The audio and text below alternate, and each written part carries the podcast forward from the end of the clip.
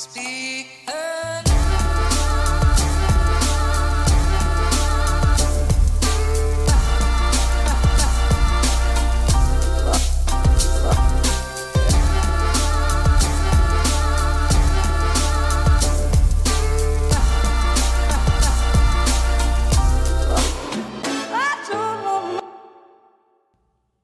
Åh, hvor deilig. Er ikke da å bare sette i gang uka med magi i øynene og tro på at alt skal ordne seg. Jeg føler meg som en nykommer i standup-miljøet. Det er der jeg føler jeg er, fordi at eh, Ja, fordi jeg har like lite bookinger. Eh, jeg, har, en akkurat like eh, lite travel høst foran meg. Som, en, som en nykommer som begynte å satse på standup for tidlig. Det er litt der. Av og til så setter jeg meg sjøl i den at det er sånn eh, Begynte jo begynte jo kanskje å skulle leve det her litt for tidlig, Kevin. Og ja, det gjorde jeg jo. Eh, det er jo noen år sia, eh, men allikevel. Jeg begynte for tidlig å skulle leve da. Eh, det er bare å spørre eh, Spør eh, vennene mine, familien min, spør kreditorene mine, spør den, den huseieren jeg hadde i Trondheim. Eh, du kan egentlig spørre alle som hadde kontakt med meg på den tida. Det sjukeste er at jeg husker på den tida at jeg satt i telefon eh, med en hyggelig dame fra Lindorf, eh, hvor hun prøvde jo veldig ja, Hun prøvde jo å gjøre jobben sin, og jobben hennes er jo å få tak i penger fra idioter som er. sant? Eh, hvor jeg, jeg husker den samtalen. For da, Grunnen til at jeg husker den, er fordi at da prøvde jeg å selge inn til hun at eh, at jeg skulle bli standup-komiker. Så jeg trengte bare litt tid på meg. og, eh, og jeg vedda på, hun, jeg vedda på at hun i løpet av samtalen tenkte han fyren her, er han, er han tilbakestående? Hva, hva, er, hva, hva slags menneske er det har på tråden? Eh, hvor hun var sånn der I løpet av samtalen så sier hun det er du som har ansvar for økonomien, ja. og eh, som er jo et veldig profesjonelt en veldig profesjonell måte å si eh, du, Har du en kommunal eh, Har du noen som har fullmakt? Er det noen som Er du fratatt? Er du umyndiggjort? Prater jeg med feil person? Det var jo det hun spurte om. Eh, indirekte. Mens jeg eh, Jeg tror faktisk Jeg vet ikke om det var samme samtalen, eh, eller om det var samme kreditor, men eh, det var et eh, Det var en sånn her runde hvor jeg Istedenfor de ringer og sier 'hei, du skylder oss så og så mye', og så sier jeg 'OK, hvor mye kan jeg dele deg opp i for å få mest mulig renter, sånn at jeg kan betale en høyest mulig sum'? Eh, det var jo taktikken min eh, ganske lenge. Og det er en fin taktikk eh, hvis eh, alternativet er å ikke åpne posten din. Eh? Åpner vi, åpner vi podkasten med eh, Kevins økonomiske hjørne, sant? Kevins lille Luksusspillen. Uh, Åsbakken edition. Nei, det er jo Jeg husker bare at jeg satt i en samtale der og videre på, så avtalt nedbetaling. Og så pitcha jeg at jeg kanskje kunne opptre på julebordet deres, hvis det kunne ha en innvirkning på summen. Hvor øh, Om det var en ho eller han, det husker jeg ikke. Men i hvert fall, den ansatte var sånn Nei. Og da, da var jeg genuint skuffa. Da var jeg genuint skuffa. Um, gratulerer til Karsten Warholm. Eh, Norges eh, Norges eh, Faen meg Altså, eh, friidrett har egentlig aldri Det har aldri interessert meg. Jeg har gitt fullstendig faen.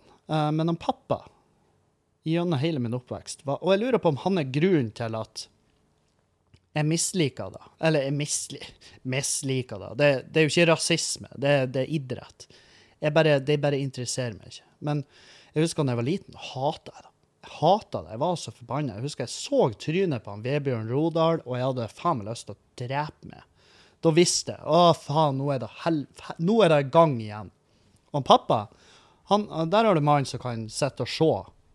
Eh, altså, han kan se et 10 000 meter eh, i full lengde. eh, og, og han slipper ikke øynene av skjermen. Og så, sier, og så kan han finne på å si sånn Å, nå surna han belgieren. Og så 500 meter lenger fram i banen så får han krampe. Altså det, han har peiling. Pappa har sprunget masse maraton og masse Han sprunget masse. Han er ansett for å være en av de sprekeste i bygda. Kjempelenge. Uh, men han så jo jævlig mye idrett, både på uh, snø og på tørr bakke, og det frustrerte jo meg og mine brødre. Altså noe helt sinnssykt når vi var yngre. For det, det, var jo uh, Vi gikk jo glipp av Vi gikk jo glipp av verdifull barne-TV-tid. Courage, The Coveredly Dog Show, Phineas and Ferb, fucking uh, Alle de her showene som vi, vi, bare fulgte så jævlig nøye med på, og selvfølgelig med hjertet på rette staden. Men uh, med hjertet på rette staden, eller Heartbeats, uh, var jo noe vi delte med foreldrene våre. Altså, mamma og pappa likte det jo òg. Så vi kunne finne på å ta det opp.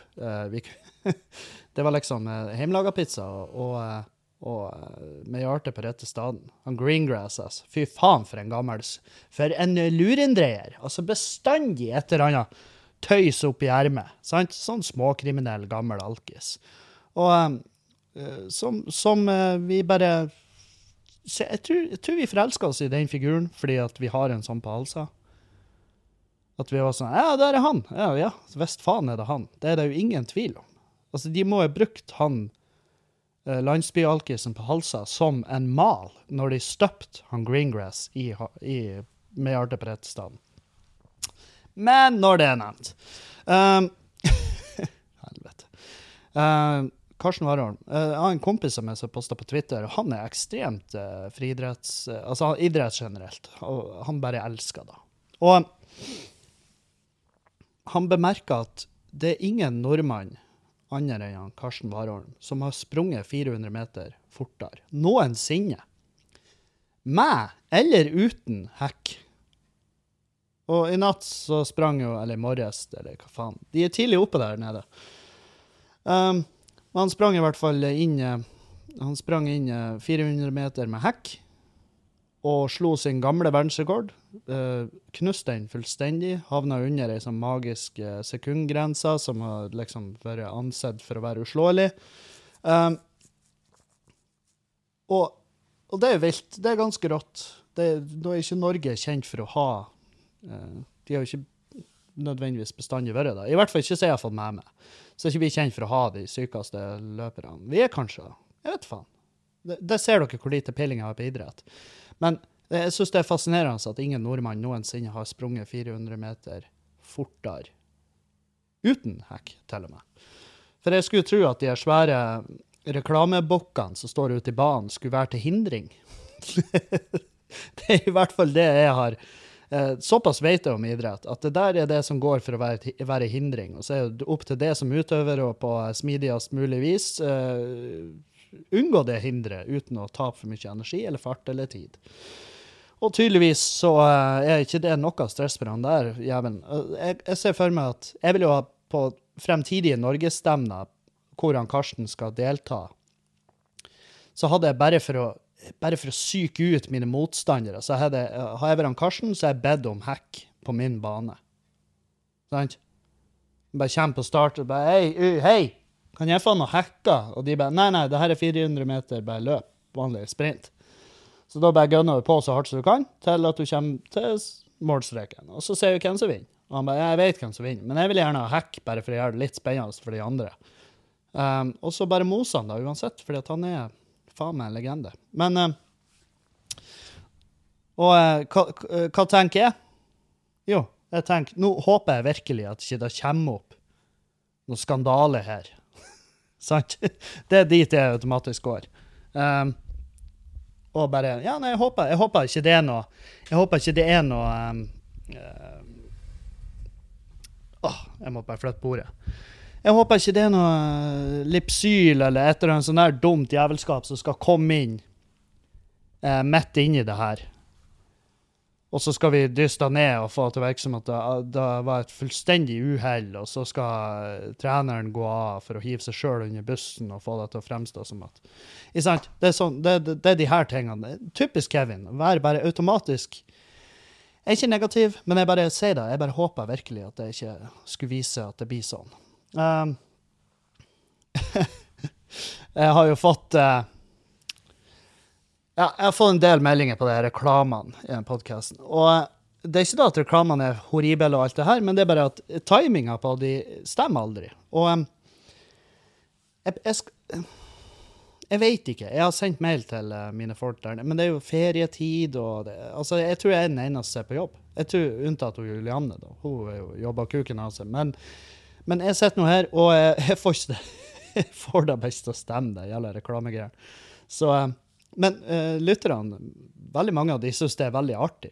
Uh, de syns det er veldig artig at jeg sier ja, da tar vi reklame, og de bare nei, nei, reklamen han kom midt i ei setning for 20 sekunder siden. Uh, så, så, det er et eller annet Det er noe rart med det der ad-senteret. Men jeg tar også hei, jeg holder muligheten åpen for at det er numero uno som er en, task, en tosk. Jeg, tar jeg holder alle dører åpne for at noen skal valse inn og si til meg akkurat hva jeg har gjort feil, og jeg skal bare ta det for det det er. Bare, ja, mest sannsynlig er det jeg som har gjort feil.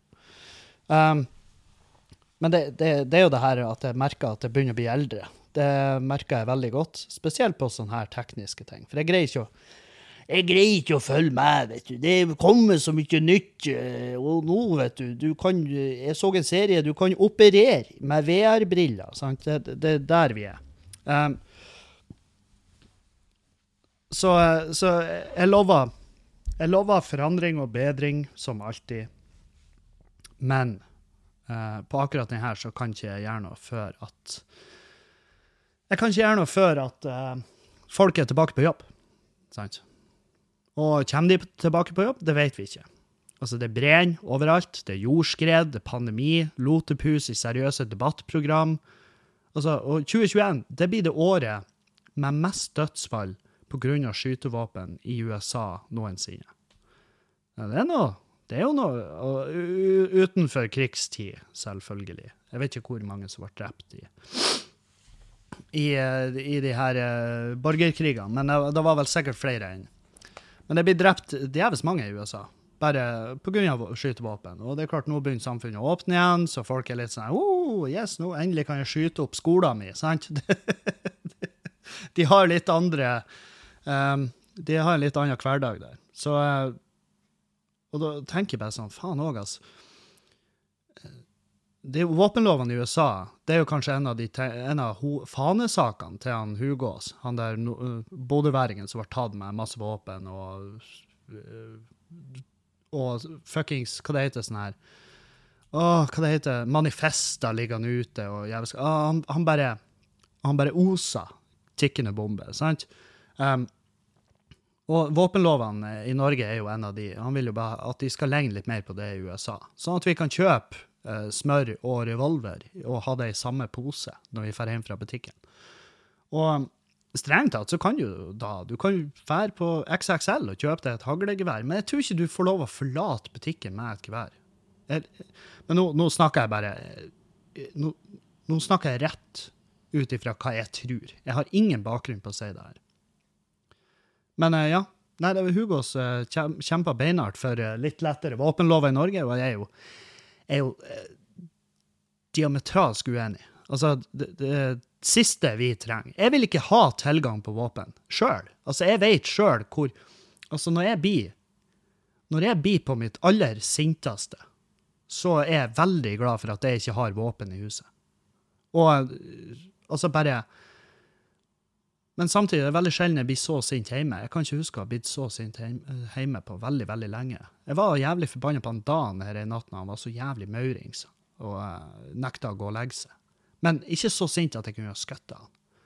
Jeg tror kanskje jeg tok tak i han og sa at jeg vurderte å skyte han, men han var sånn Du har ingen våpen, bitch. Sånn Jeg bare Ja, det er sant, da, for våpenlovene i Norge er akkurat der de burde være. Om ikke de skal være strengere, kanskje. Hva vet vel jeg. Um, Nei, så, så der Og det er sånn der For jeg har hatt diskusjon om skytevåpen, og folk er veldig sånn Ja, men uh, Fordi at de vil gjerne trekke det her at jeg er hyklersk fordi at uh, jeg vil eh, Jeg vil legalisere masse narkotika, men jeg vil ikke lette på reglene for å eie våpen. Og det, hovedforskjellen er jo at uh, narkotika får jo brukeren som regel til å føle seg bedre. Et våpen uh, er jo laga for å få folk til å føle seg døde. Sant? Men det, det vil jo få eieren til å føle seg tryggere i noen tilfeller. Sjøl om jeg, med hånda på hjertet, uh, følte meg aldri tryggere hjemme. For han pappa har masse våpen. Han, pappa er jeger, og han skyter på bane med pistol, og han skyter på bane med rifle, og han har ja, masse våpen. Og jeg har aldri tenkt på det våpenskapet og tenkt ja, vi skulle det nå- skulle det nå skje et eller annet, så er vi nå i hvert fall eh, 100 sikre. Jeg har heller tenkt sånn her Tar jeg en fernet til nå, her på julefeiringa på hytta, så blir jeg jeg blir å hente meg et våpen, så blir jeg gå ut på verandaen, så blir jeg å skyte noe. skyte tre, eller noe sånt. Eh, Nei, så jeg, jeg har jo hatt en våpenoppvekst. Eh, aktiv i skyting, aktiv baneskyting. Eh, eh, Ble aldri Ble aldri den jaktfyren. Eh, for jeg, jeg har ikke jeg, har bare ikke lyst til å skyte eh, små eller store dyr, egentlig. Og i hvert fall ikke nå. På den tida så var det mer at det bare aldri passa. Og så fikk jeg våpenkarantene fra han pappa på ja, det var et år, tror jeg det. Og, og med god grunn. Og her er en av grunnene til at vi ikke skal ha tilgang til våpen. Hva prøvde jeg å gjøre med luftgeværet vårt da jeg var bitte liten? Jo, jeg skjøt nabogutten. Fordi han irriterte meg. Og vi begynte å slåss. Så vi var naboguttene vi var herja og styra og leka hjemme hos oss. Og så havna vi i en slåsskamp, jeg og han ene, og jeg begynte å blø nesblodet og så spurte jeg inn og henta luftgeværet. og så, og så skjøt jeg etter han mens de sprang bortover veien. Og så bare gikk jeg inn igjen, satt på plass uh, geværet, men det tok jo veldig kort tid før det banka på døra, hvor han her gutten da, som jeg hadde skutt etter, um, har jo en veldig, veldig, veldig uh, voksen, sint far som jobber nattskift. Um, og han ble vekt. Sorry, jeg fikk sånn høne i halsen. Han ble vekt av sin egen sønn, som sier 'Kevin prøver å skyte meg med luftgevær'. Han er irritert fordi at han ble vekt, ut av søvnen sin, og han er kommet hjem fra nattskift. Bare prøver, prøver å kule egget en time. sant? Og I tillegg er det noen som har skutt etter sønnen hans. Og Gjerningsmannen er rett borti veien, så han røyser jo naturligvis opp, tar på seg klærne, og så eh, bryter han lydmuren bortover til huset vårt. Eh, hvor er sånn eh, Kan jeg hjelpe deg med noe?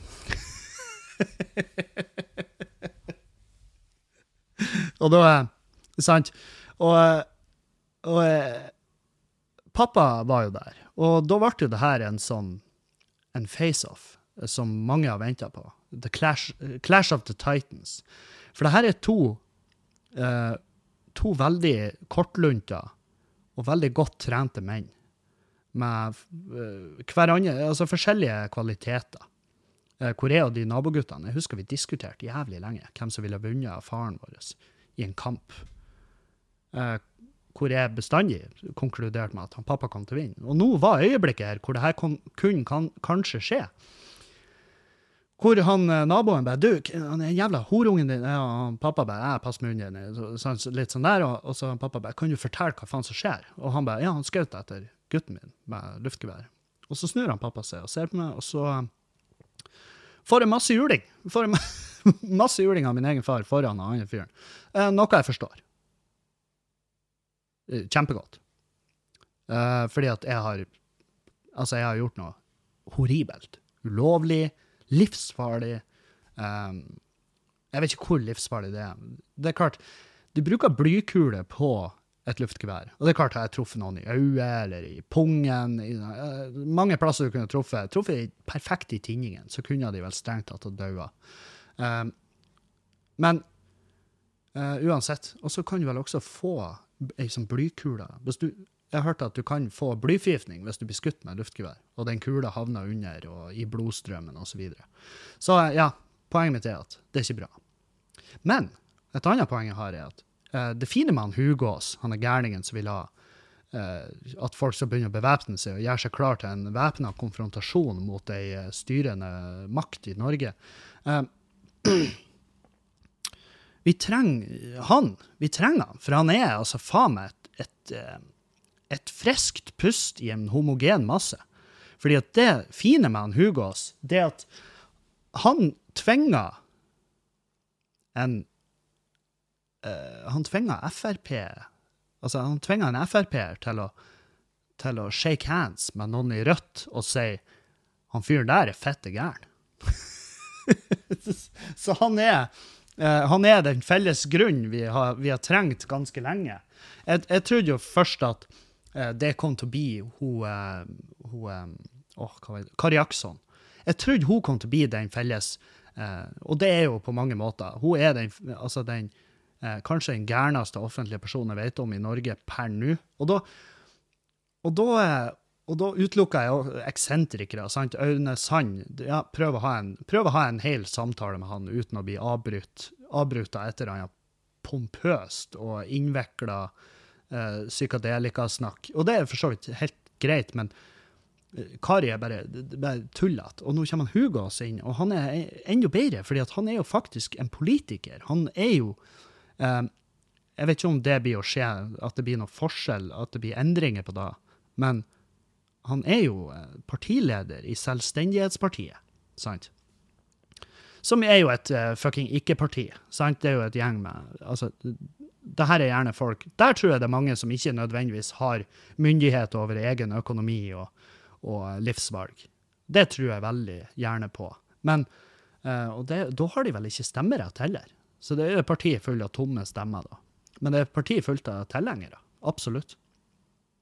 Så uh, ja, Nei, vi tre vi, Hva det var slags podkast Jeg husker jeg sa, når jeg sa det. Da var jeg så jeg var så jævlig fornøyd med meg sjøl. Jeg tror det var en cross på det han Erlend hadde, hvor jeg sa at vi, ytterpunktene er superviktige å ha, fordi at det er de som holder spekteret så bredt som det er. Sant? Hvis vi bare kutter ut ytterpunktene, så blir vi til slutt å ende opp i midten med en homogen masse, en sånn grå plastelina som du finner i barnehagen. sant? Den grå, triste plastlinjen. Du holder den i handa, og du vet at det her var en gang En gang så var det her ei eske full av masse nydelige farger som var så klar og tydelig og fin. Eh, men nå er den grå, fordi at de har blanda det. Fordi at de jævla ungene ikke har teft for farge. uh, sa han, som er fargeblind. I hvert fall. Ja, så jeg stiller meg fortsatt bak da. Jeg står fortsatt bak den meninga at det, det, det, har med ytringsfriheten å gjøre. Og den er superviktig, og jeg vil gjerne at ingen fucker med den. fordi at jeg føler fra før av, Du kaller meg paranoid, men jeg føler at den er under angrep. I hvert fall som komiker, hvor vi faen meg blir cancela hvis vi sier noe feil. Og jeg har jo sagt 10 000 feile ting. Jeg har sagt horrible ting. Jeg har sagt jeg har sagt nedverdigende ting, jeg har sagt sjåvinistiske ting, jeg har sagt rasistiske ting. og Jeg har sagt så, så jævlig mye fucked up shit i løpet av mitt liv, og i hvert fall her i podkasten. Så jeg, jeg, det er da, jeg går bare og venter på at jeg skal stilles i bås i lag med de forbanna gærningene. Hva du hadde? Nei, de fant 80 forskjellige skytevåpen uregistrert i huset mitt. Oi, ja, enn du, da? Nei, jeg gjorde en, eh, jeg gjorde en tydeligvis smakløs voldtektsvits, da. Og ja, jeg er helt enig, voldtekt er sjelden morsomt. Uh, men hvis jeg kommer på noe som, gjør, som får meg til å humre, så blir jeg gud bedre ved å fortelle den vitsen til jeg dør. Og så får jeg heller bare, jeg heller bare bli cancela, for jeg begynner å bli jævlig lei av å gå på tå. Og det er jo det jeg gjør. Jeg går på tå uh, i min egen jobb og føler meg utrygg. sant? Og det gjør jeg jo generelt òg pga. manglende bookinger. Det er en altfor rolig høst. Jeg, jeg satt i hele går. Og, og jeg har mista teften for booking. Eller Det er ikke som å sykle, sant? Så, så jeg får litt uh, Nei, jeg blir, jeg blir svett av å tenke på det. Men jeg satt i faen meg hele går, hele arbeidsdag og booka, booka, booka. Og det var jo til meg, og at jeg skulle bare og prøve å få jeg prøver å få litt uh, Prøver å få litt ro i sinnet. Og jeg har vært veldig rolig og hatt det veldig fint, eh, både i sommer og Altså i ferien og etter ferien. Jeg har tatt det veldig kulig eh, og hatt det veldig kos. Men eh, Men eh, altså ja, Jeg stresser ikke like hardt. Jeg stresser ikke, men akkurat nå så burde jeg da. Skjønner? Akkurat nå så burde jeg stresse hardere enn jeg gjør. Fordi at eh, Ja, fordi at eh, konsekvensen er potensielt eh, svært ødeleggende. Og det, det vil jeg ikke. Men samtidig så er det sånn Jeg er bare blitt så forvent. Sant? De siste årene så jeg hadde management bak meg som, som bare på en måte Som jeg hadde en avtale med, og de tok seg av det. Nå når de ikke har kapasitet til å hjelpe meg, så står jeg plutselig bare alene. Og, og det er vel prisen man betaler for å være på en måte free agent, hvor du jobber på kontrakt, fra kontrakt til kontrakt. eh, Og, og man, man blir sånn Å ja, dere, å, dere har ikke tid eller mulighet. Og det er jo en eh, superherlig sak. Jeg er veldig glad de sier da, i stedet for at de er sånn Nei, du må ikke glemme at eh, du sant, at de skal begynne å legge eierskap på deg. Må ikke glemme at 20% av alt du tjener, er vårt, uansett om du booker det eller hva nå enn som skjer. Sant? De der tingene det vil jeg ikke ha, og jeg vet jævlig mange komikere som har det sånn. Jeg vet inn i helvete mange komikere som har det sånn at eh, hvis de gjør klubb, for eksempel. En komiker, han gjør klubb. Eh, og nå skal jeg forklare dere litt om hvordan, eh, hvordan miljøet er bygd opp. Vi har det som heter open mic-scene, eller prøvescener. Eh, det har du i Oslo, det heter Dattera til Hagen, prøverøret der. Eh, så har du i Bergen så har du Humorlaben, i Bodø og i Tromsø så har du sant? Det er masse forskjellige navn på det. Eh, og der er det er sånn prøvescener. Komikere kommer dit med premisser og ny, nyskrevne biter. Tester det ut, gir det et forsøk. sant?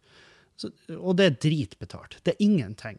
Uh, som regel ubetalt, faktisk. Og, men det er scener vi virkelig trenger, for der er workshopen.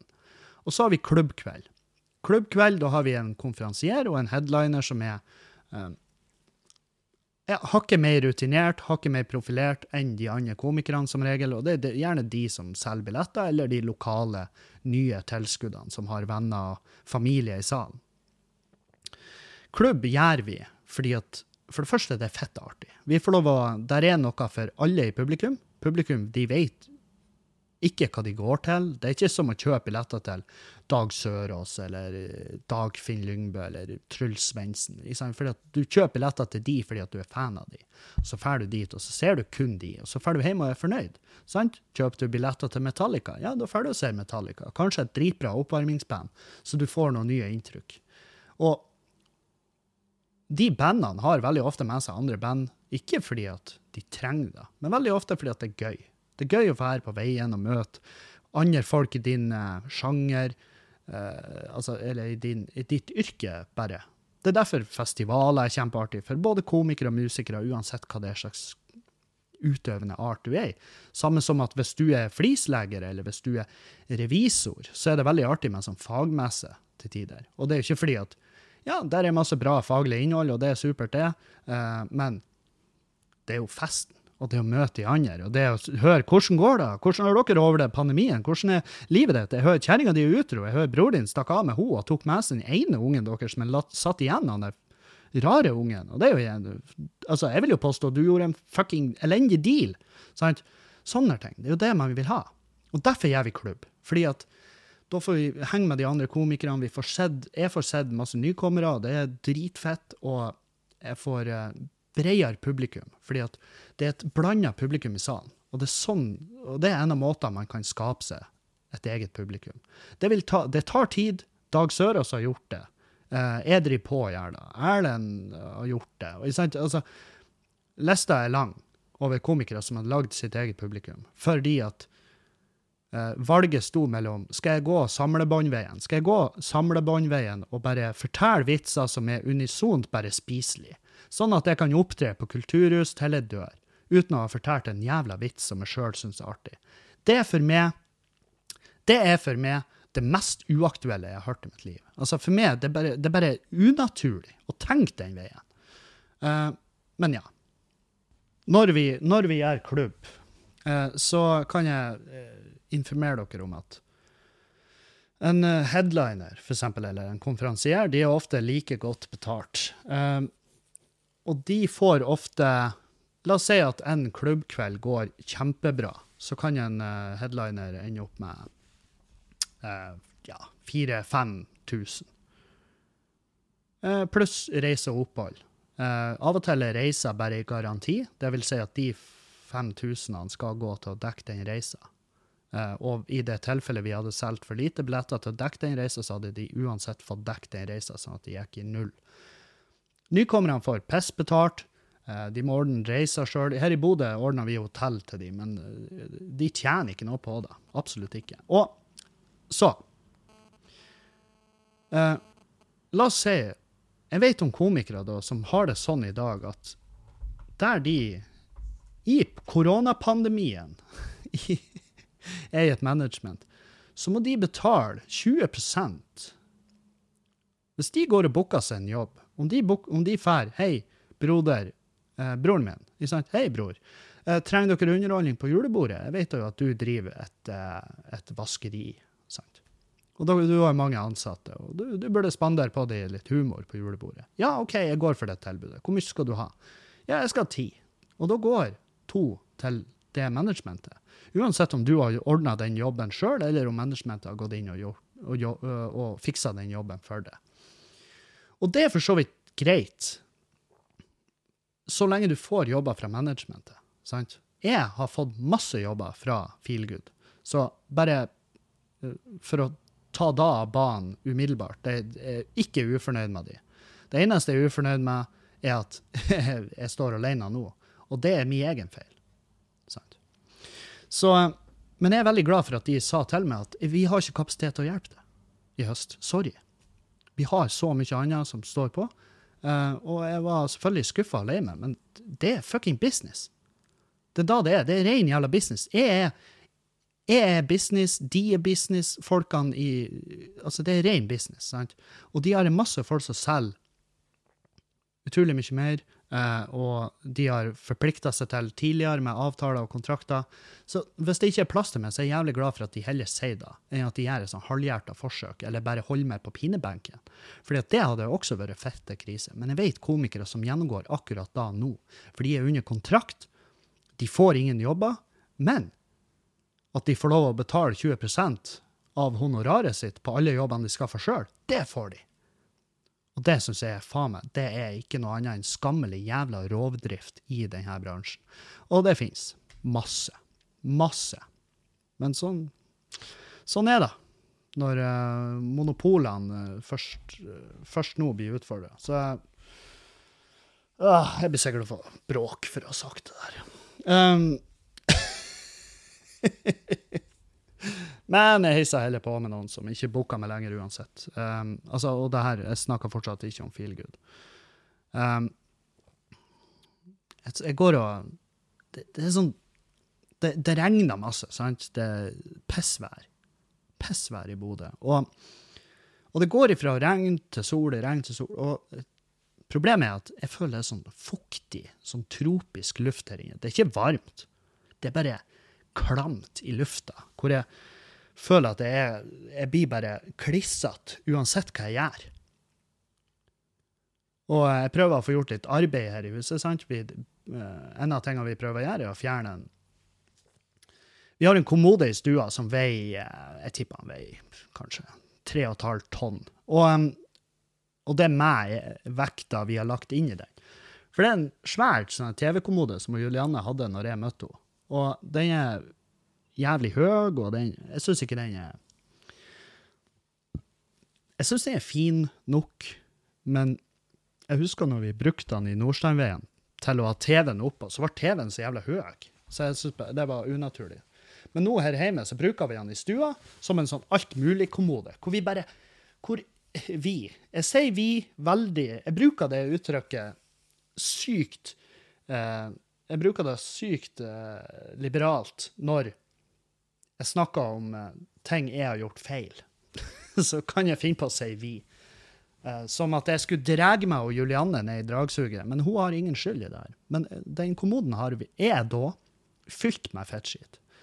Jeg jeg har ei skuffe som er liksom mi, og så har jeg et skap som er liksom mitt.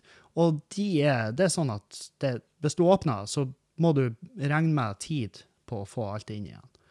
Um, den her skal vi tømme. Og jeg har tømt, jeg har tømt eh, skapet mitt. Veldig fornøyd med det.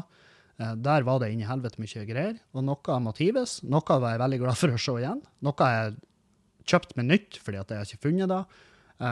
Sant? Som, som er jo et tegn på at det skapet gjør ikke den jobben det egentlig burde gjøre. For et skap er jo oppbevaring. sånn at når du trenger det som oppbevares i skapet, så åpner du døra, og så tar du ut det du oppbevarer. Men når du har så mye i det skapet at du har ikke kjangs å finne den tingen som er inni skapet der, du vet den er inni der, men du vet også at det blir å gå fortere hvis du faktisk bare bestiller deg en ny fra komplett.no, eller hvor nå enn i faen, eller hva nå enn i faen det er for noe. Sant? Så jeg har tømt det skapet. Og, eh, og det her, kommoden han skal jo opp på rommet til han Dan, der han ligger. Og eh, ja, hva nå enn han gjør der oppe, det vet jeg ikke. Eh, vi har jo hengt opp en TV på veggen der, eh, og det er jo den TV-en som skal ut i garasjen når leiligheta der en eller annen gang i historien får lov å bli ferdig.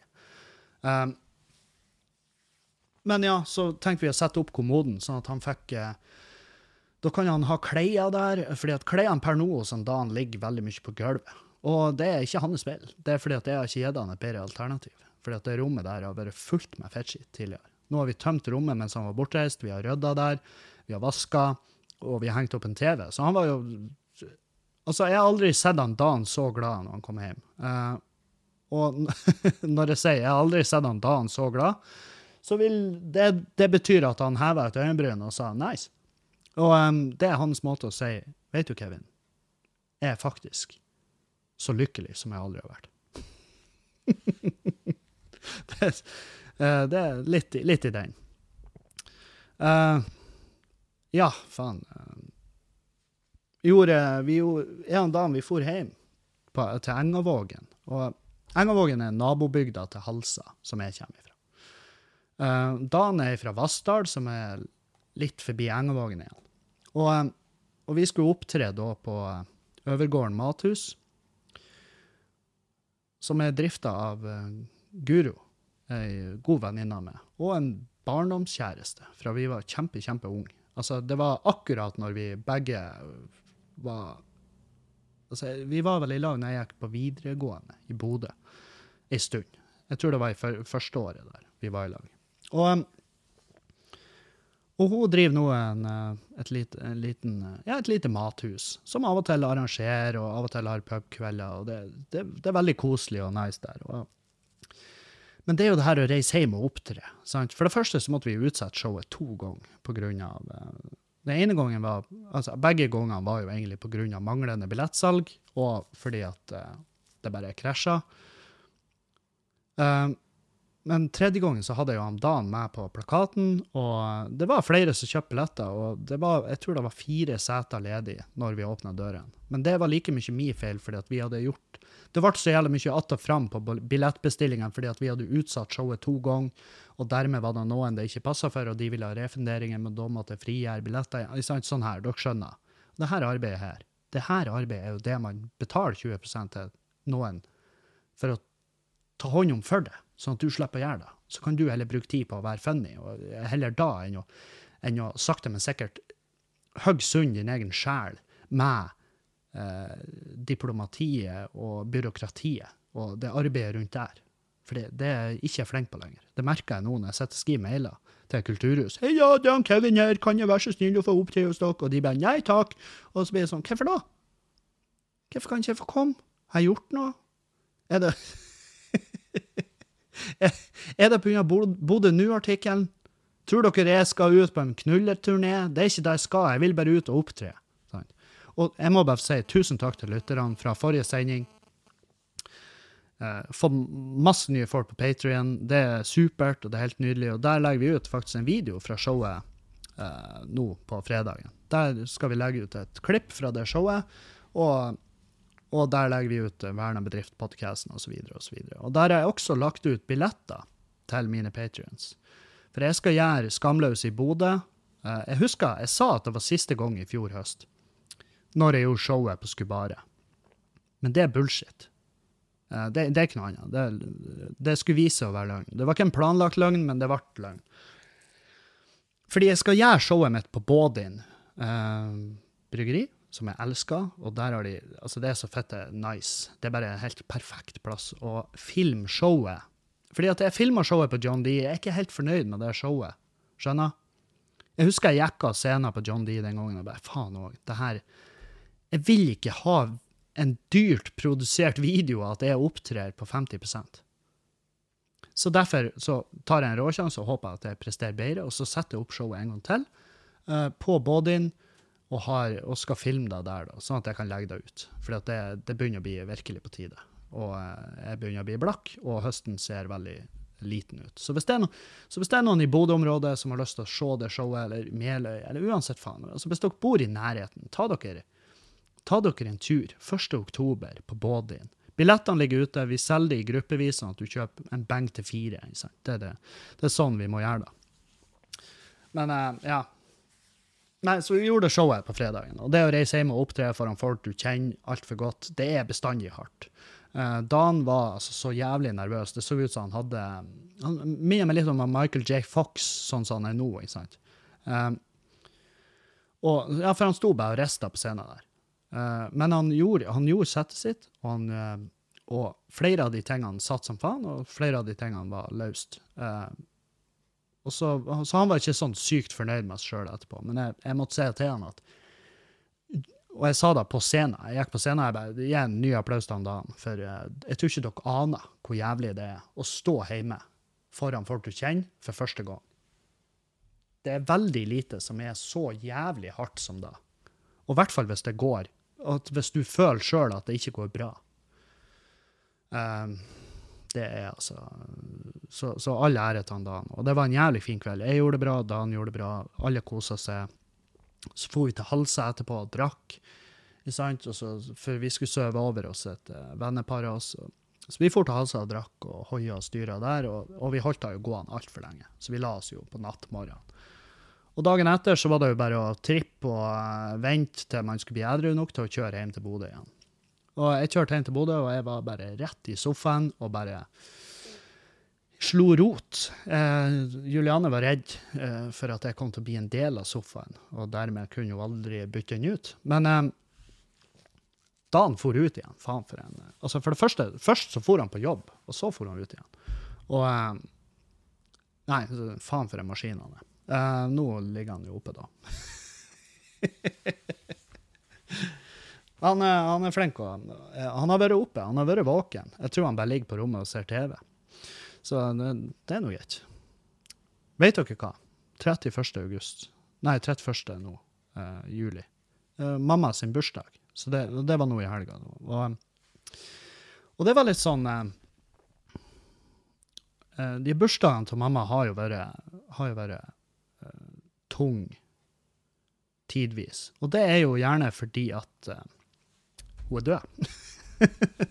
Nei, altså, de, de, har vært tunge de siste årene fordi at uh, um, Ja, i den sorgprosessen av å miste noen såpass tidlig, så er det sånn Og jeg vet jo jeg har masse lyttere som har mista mora eller faren sin, og gjerne for tidlig. Og jeg har fått meldinger fra ei som mista mora si nå i helga, liksom. Og, um, og hvordan har det gått?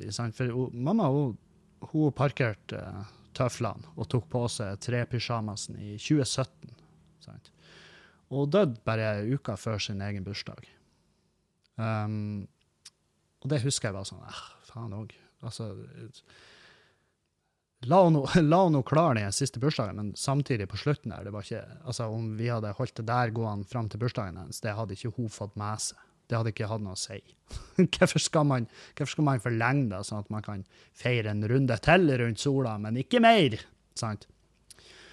Um, men det har vært Altså, jeg har jo veldig, veldig flotte søsken, og uh, jeg har to søstre som uh, som er veldig flinke på sånn altså, De har masse bilder, og, de, og en av legger det i videoer og legger på musikk og lager seg minnevideoer. sant?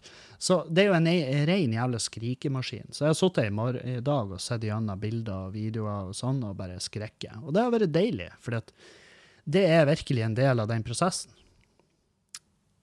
Å bare, å bare tillate seg sjøl å skrike. Jeg husker når jeg husker i prosessen, altså de dagene før at mamma døde, så var jeg veldig sånn, jeg var veldig mekanisk. Jeg, var veldig, jeg, jeg fremsto som kald. Det var flere som sa det, at jeg fremsto som litt for beherska og litt for kald, og det er gjerne et tegn på at du at du ikke tillater sjøl å ha tid til å bare få det ut. Men altså, altså, det var jo ikke sånn Altså, jeg skrek. Jeg skrek som en forbanna Jeg skrek sammenhengende. Eh, når hun døde, og når vi heiv oss i bilen og skulle kjøre hjem. For det er jo da som er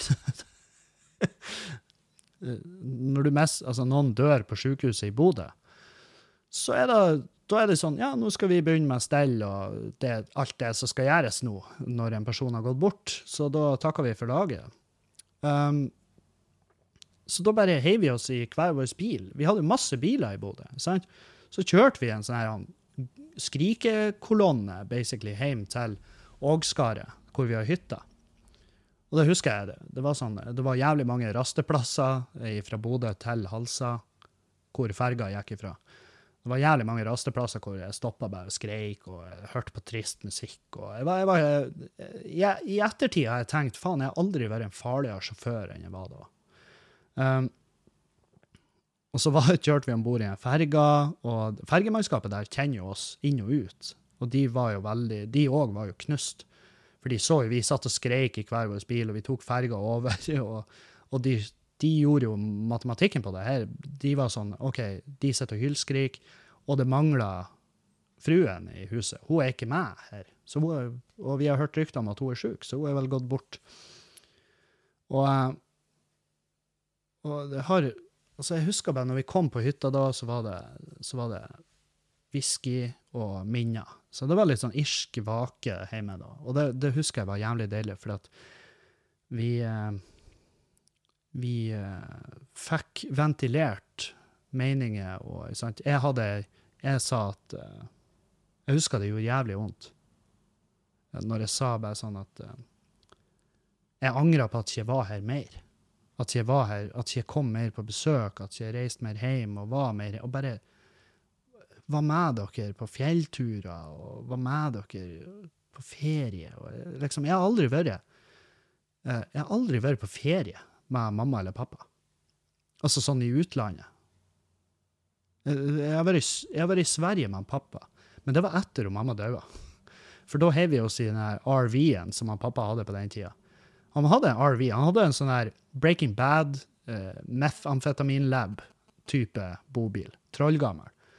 Og når mamma var død og begravet Og det var jo den tida fram til da. sant? Død og begravet. Da kom sorgen skikkelig. Jeg husker på minnestue altså sånn, eh, hva det heter, likskue, eller horribelt navn. Det må jo være syning eller noe sånt. Når vi skal se på en død person.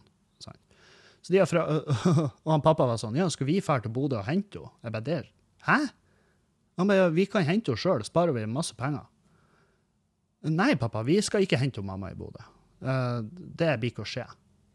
Altså, jeg vet sjøl når jeg kjører med tilhenger Sant? Jeg kjører med tilhenger. Og jeg vet det her var en bit fra Drittlivshowet, men den er ekte som faen.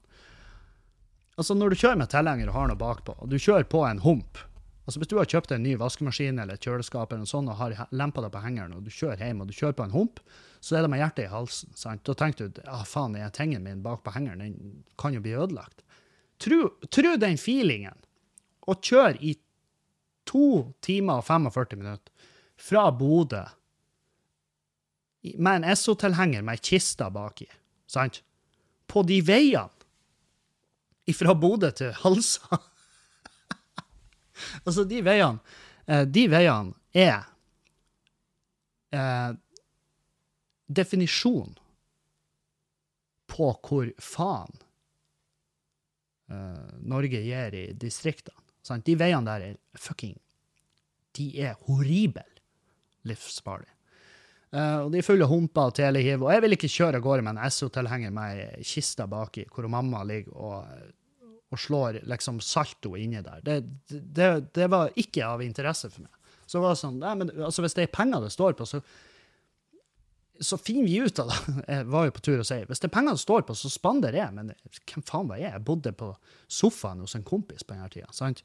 Så, uh, så det var litt sånn uh, Men vi, vi, gikk for det. Vi fikk frakta henne av gårde, og, og, vi fikk på den syninga så var jeg og fulgte inn søskenbarn og tante og onkler som hadde det jævlig tungt, men jeg klarte å følge inn på rommet hvor de fikk show og uh, kysse henne, eller hva nå enn faen de gjør. Det er jo en, stor Det er en stor, uh, rar greie, det her med syninga. Jeg husker at der er et bilde av meg. Jeg vet ikke om jeg la det ut på Facebook, til og med, at jeg kyssa mamma på panna.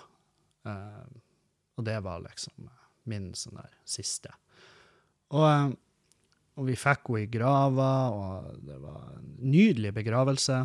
Uh, jeg husker onkel spiller sekkepipa. Som veldig rar Altså, veldig rart talent å ha. Han kunne fortelle meg at han var en av veldig få som var liksom så flink i Norge på sekkepipa. Så det Jeg var sånn, faen, det jeg syns jeg er et rått talent. Eh, jeg vet det er jævlig mange som skyr sekkepipa og syns det er et horribelt horribelt musikkredskap, men jeg, er uenig. Jeg syns det, det, har en schwung over seg. Um, men ja. Grunnen til at jeg tar det opp, er fordi at hun som mista mora si i helga, spurte hvordan har det gått, og liksom litt sånn der, da. Og det har gått veldig bra. Um, og det skal være tungt å miste noen du er glad i. Det, det er meninga. Altså hvis, hvis, hvis, noen du setter pris på, dør, så er det meninga at du skal ha det jævlig. Og det kan ta år. Og det kan ta uker. Det, det, er, det er ikke noe fasit. Og jeg har ikke lagt ut en masse bilder i helga eller den dagen om mamma døde. Jeg er, jeg er ikke så fan av å feire dødsdagen folk. Jeg syns det er litt morbid. Men, eh, men, eh, men eh, altså, jeg minnes henne hver dag. Jeg har et bilde her i stua som jeg ser på hver dag, og hver gang jeg ser på det bildet, så smiler jeg. Det bildet er tatt to uker før hun døde, hvor vi sitter begge og flirer. Og, jeg husker jeg tok det når vi så film. Vi satt med Mac-en min og så film på sykehuset. Og, um, og det var jo en svær Altså eh, Det var en enorm bit av livet mitt å få lov å være der i lag med henne så mye de siste ukene før hun døde. Uh, uten da så hadde jeg mest sannsynlig så hadde jeg mest sannsynlig takla det mye, mye dårligere. Um, og skal ikke Oi skal ikke jeg gå i skrikinga midt på, uh, på en tirsdag 3. august klokka 11.09. Um, eh, nei, altså, det var Det, det hjalp meg veldig å kunne være der i lag med henne fra de fant den nye kreften, til at, til at hun døde. Og det, greia er jo at hun hadde jo, hun hadde jo vært igjennom kreft. Hun hadde hatt kreft i spiserøret, og det var jo mest sannsynlig den som hadde spredd seg da. Og så hadde de bare ikke fått det med seg. Og um, som, ja, som også er en ting, det at vi har masse grunnlag til å egentlig gå videre med ja, behandlinger og ting som skjedde på sykehuset der. Men um, både før og imens. Og, men, men, det er sånn Jeg får ikke noe ut av det. Jeg får ikke noe ut av at en gang tenk på å ta den kampen. Det eneste vi har gjort, det er å sørge for at hun legen som avfeide henne, som sa til henne at hun måtte bare skjerpe seg, det var helt vanlig Eh, det var en helt vanlig influensa, så hun måtte bare skjerpe seg, dra hjem og slutte å syte. Og så viste det seg at hun hadde at den hele lunga, den ene lunga hennes var ikke en lunge, det var en kreft. Sant? Så vi har jo sørga for at hun legen er klar over hva hun gjorde der. Og eh, det ble jo sant? Enn hvis hun mamma kunne vært redda, enn hvis hun kunne redda livet hennes. Hvis hun bare hadde tatt henne seriøst. Og jeg var sånn Jeg, tviler. Jeg har sett House.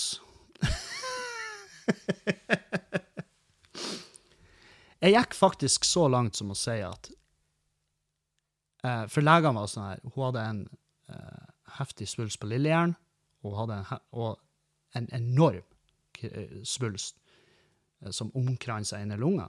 Sant? Og legene sa at om vi hadde oppdaga det her tidligere, det hadde ikke redda livet hennes. Men vi kunne kanskje ha gitt henne litt mer tid. Uh, og, da, og når jeg da spurte, så var det jo veldig tydelig at litt mer tid var ikke snakk om særlig mye tid, fordi at det var svært aggressiv kreft her. Så jeg sa på et tidspunkt at jeg er veldig glad at de oppdaga det så seint. Fordi at sykdomsforløpet til mamma, hennes tid i angst, fordervelse, fortvilelse, frykt for å dø eh, Altså be, be, benektelse for det faktum at nå det er ingenting mer vi kan gjøre. Nå er du på palliativ behandling. Det, det eneste vi gjør nå, det er å sørge for at du har det høvelig nice de siste dagene. Så nice som du kan ha det. Um, og jeg er veldig glad for at det, det sykdomsforløpet var så kort. For jeg har sett sykdomsforløp der folk sakte for, forfaller, og um, jeg er venninne av meg som savna mer enn noe i hele verden, og kjempetrivelig, herlig jente. Jeg, jeg var med uh, og besøkte faren hennes når han var sjuk. Og han var sjuk så lenge at eh, folk rundt han ble sjuke. Ikke sånn Men du skjønner, det å se noen sak, sakte forfalle sånn der, og det å se noen du er så glad i, eh, be om å få lov å slippe, det er eh, ikke noe som noen er egentlig laga for å takle over tid. Så derfor var jeg veldig glad for at hun mamma fikk slippe så tidlig som hun gjorde. Og, eh, og eh, Nei, så det var eh, Det har Jeg begravde meg veldig i arbeid etterpå. Sånn her at jeg, jeg prøvde å ta Jeg prøvde å ta ansvar, jeg prøvde å liksom følge opp folk, og samtidig som jeg, som jeg ikke fulgte opp meg sjøl like bra, men det gikk fint fordi at andre gjorde det. Og takket være dem så går det bra i dag. Jeg er jo veldig lei meg for at Julianne aldri fikk møte mamma, for jeg vet at hun og mamma, og egentlig hun og mamma og mora til Julianne, de hadde faen meg, de hadde blitt en, eh, en temmelig uslåelig trio. Eh, jeg tror de hadde faen meg kobla på et sånn nivå at eh, Nei, så det, det er bare artig å tenke på. Jeg smiler når jeg tenker på det, for jeg vet hvor artig, hvor, hvor mye mamma ville elske og Julianne. Altså, mamma, hun hadde Hun hadde trua meg med juling. Hvis hun hadde møtt hun Julianne, så hadde hun mamma trua meg med juling. Om at hvis du fucker opp det her, så dreper jeg det. da banker jeg det opp sønder. Og det er sånn som mamma kunne finne på å gjøre. Mamma var veldig sånn Hun var veldig nøye med at jeg skulle ikke være en douche. Jeg skulle ikke være en drittsekk. Fordi at hun så uh, muligheten for at jeg kom til å bli det. Utviklinga. Og jeg var da. Jeg var en, fucking jeg var en fucking enorm drittsekk så jævlig lenge. Og jeg har så masse Jeg har så mye drit på samvittigheten. Måter jeg har behandla folk, måten jeg har uh, Altså, og det er ikke bare det er ikke bare folk jeg har møtt eller har hatt noe med å gjøre, men det er også folk jeg har forelska meg i, eller, eller uh, folk jeg har data, jeg har- oppført meg oppført meg og, og, og det her er ikke en sånn tilståelse hvor jeg skal komme ut og bare Er den nye Ørjan Burøe? Nei, nei, det er ikke det jeg snakker om. Jeg bare snakker om at jeg, jeg hadde ei stund der jeg var sånn her jeg- Det her er ikke meg. Hvor jeg var sykelig sjalu, eh, hvor jeg var sånn jeg var paranoid. Veldig paranoid. Jeg var sånn, du, bru, du bruker meg bare. Jeg er bare sjåføren din. Sant? Sånn der. Så, um, så ja, det var ei tøff tid etterpå, men eh, jeg tror ikke nødvendigvis dødsfallet til mamma var grunnen til det.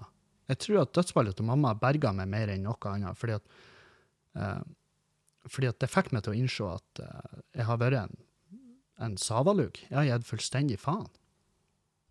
Jeg har ikke brukt nok eh, Jeg har ikke brukt nok tid hjemme. Jeg har ikke brukt nok tid på meg sjøl. Jeg har ikke brukt nok tid på å, å, å eh, gjøre det jeg sjøl har lyst til. For det var på, når mamma ble sjuk, så var jo jeg Da var jeg jo i det friåret mitt etter fuck up-perioden min eh, i Trondheim, og jeg lå bare på sofaen til kompisen min og skalv og, og bare Ja, hadde egentlig ikke noe sånn der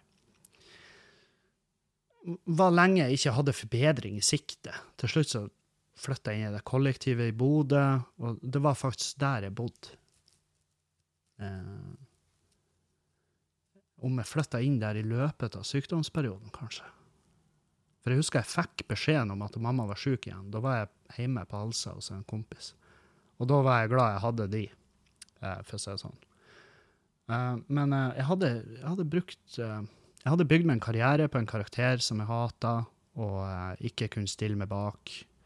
Eh, jeg ble sjuk av det. Og eh, jeg er veldig glad for at eh, det endra seg. Jeg er veldig glad for at i det sykdomsforløpet og Mamma har bestandig vært sånn at kan ikke du være det sjøl på scenen? Du er mye artigere når vi sitter hjemme og prater. Du er mye artigere generelt enn det du gjør på scenen. Det du gjør på scenen, jeg skjønner hva du gjør, det er gøy. Men det er liksom Og det her er mamma sin ord. Hun var sånn Det her er det, Du er Du sjokkerer jo, men det virker som at du liker å sjokkere, at det er det eneste du vil. Du vil bare sjokkere. Du vil, du vil lamslå folk med hvor forferdelig du kan være. Og det er ikke sånn du er, Kevin. Så hvorfor ikke vise de den ekte Kevin? Og jeg var sånn, nei, den ekte Kevin selger ikke. Og, um, og Arnt Finesse var liksom blitt noe svært. Og jeg klarte ikke helt å legge det fra meg, for det var liksom det eneste trygge jeg hadde igjen. Og det var jo det jeg skulle leve av etter jeg hadde hatt det her sabbatsåret mitt, hvor jeg tok det chill. sant?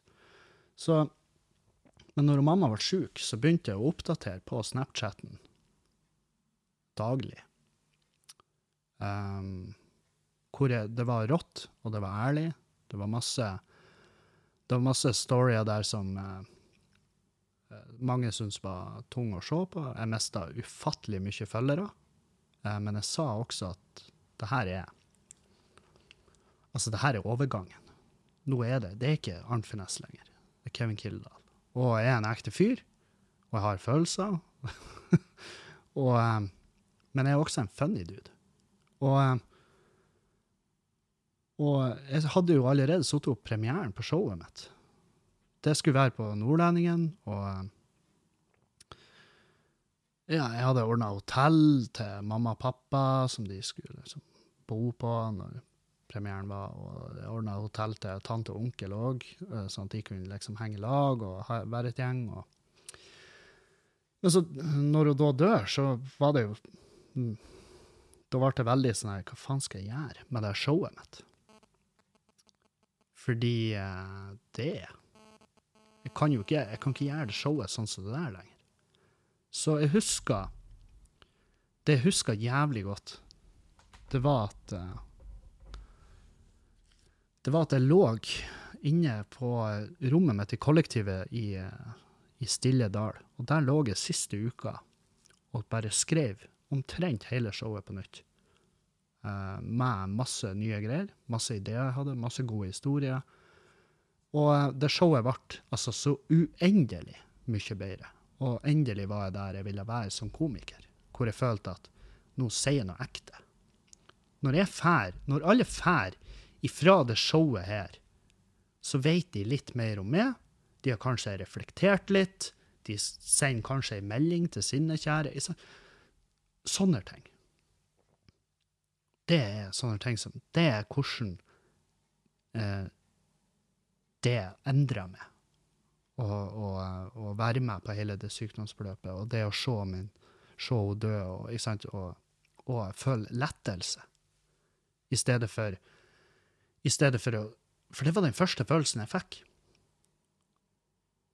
Når, når hun slutta å puste, og pulsen slutta å slå, så var min aller første reaksjon det var lettelse. Det var en enorm jævla lettelse. Endelig var det over. Endelig slipper hun det her. Uh, ikke sant? Og det, og det Nei, så det, det blir, kommer til å være med meg resten av livet. Og kommer til, det kommer aldri til å slutte å gjøre vondt. Men herregud, hvor mange nydelige historier jeg har fra denne her dama der. Så um, ja, den sendinga her er jo uh, uendelig mye mer Altså, den, den ble mye varmere, uh, mye mørkere enn jeg trodde den skulle bli. Uh, men det gjorde seg vel sikkert med Manscaped-reklame midt inni der.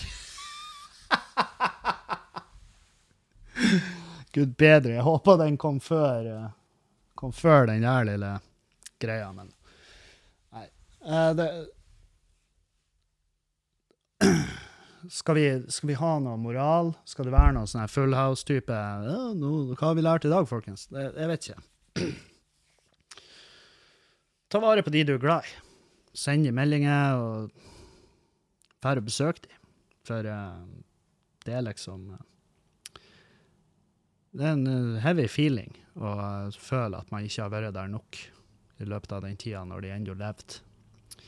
Det unner jeg ingen. Og uh, den skal du ikke nødvendigvis ha heller, men altså, du skal ikke på liv og død holde kontakt med familien din hvis familien din er et gjeng med ufyselige mennesker. Nei, kutt de ut. Ja, jeg vet, blod er, blod er tjukkere enn vann. Ja, men hva har viskøsitet med det her å gjøre? Poenget er at du skal være der for folk du er glad i. Folk som uh, du setter utrolig pris på, og som, en, som spiller en viktig rolle i livet ditt. Og da er det veldig fort å glemme av de som fucking lager det, foreldrene dine.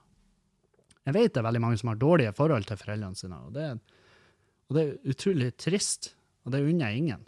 Men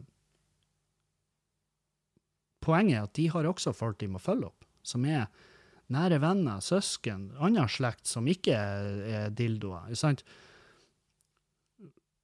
Og jeg tror Kråkesølv de laga den sangen 'Si det til dem du er glad i'. Etter, eh, etter Utøya husker jeg de slapp den. Eh, og den sangen gikk eh, Den spiller vi mye etter at mamma døde. Og det var en sånn sang som jeg klarte ikke å holde med. Jeg kan ikke høre den nå, for eksempel. Fordi at det er veldig det, det, er akkurat det de snakker om. Det er det de sier i refrenget. Si det til dem du er glad i, mens du ennå har dem så gjør det. Um, jeg skal ikke, skal ikke, prøve meg på noe mer etter det her. Uh, det var Det var det var, det var ikke meninga at det skulle bli såpass heavy, men, uh, men det er òg av og til veldig greit. Det er veldig greit med en heavy episode. Og så kan vi heller neste gang snakke om at uh, Ja, Tinder-tekster og sånne ting. og uh, hvor teit det er med Tesla-treff, hvor, hvor 40 folk møtes med kliss like biler uten noen form for utbedring eller forskjeller. Og så møtes de og ja, 'Jeg har nå en Model S.' Og ja, jeg òg. Ja, kult. Da tar vi en kaffe, da. Sant? Eh, vi kan prate om alt sånn her piss eh, senere. I neste sending. Inntil da så er jeg veldig glad i dere. Eh, og dere må være glad i de som rundt dere. Ta vare på de, prat med de. Følg med på Patrion. Selg! Konsumer! Konsumer! Bruk penger! Nei. Uh, det var alt jeg hadde. Tusen hjertelig takk for meg. Jeg elsker dere. Adjø. Høres igjen i neste uke. Adjø.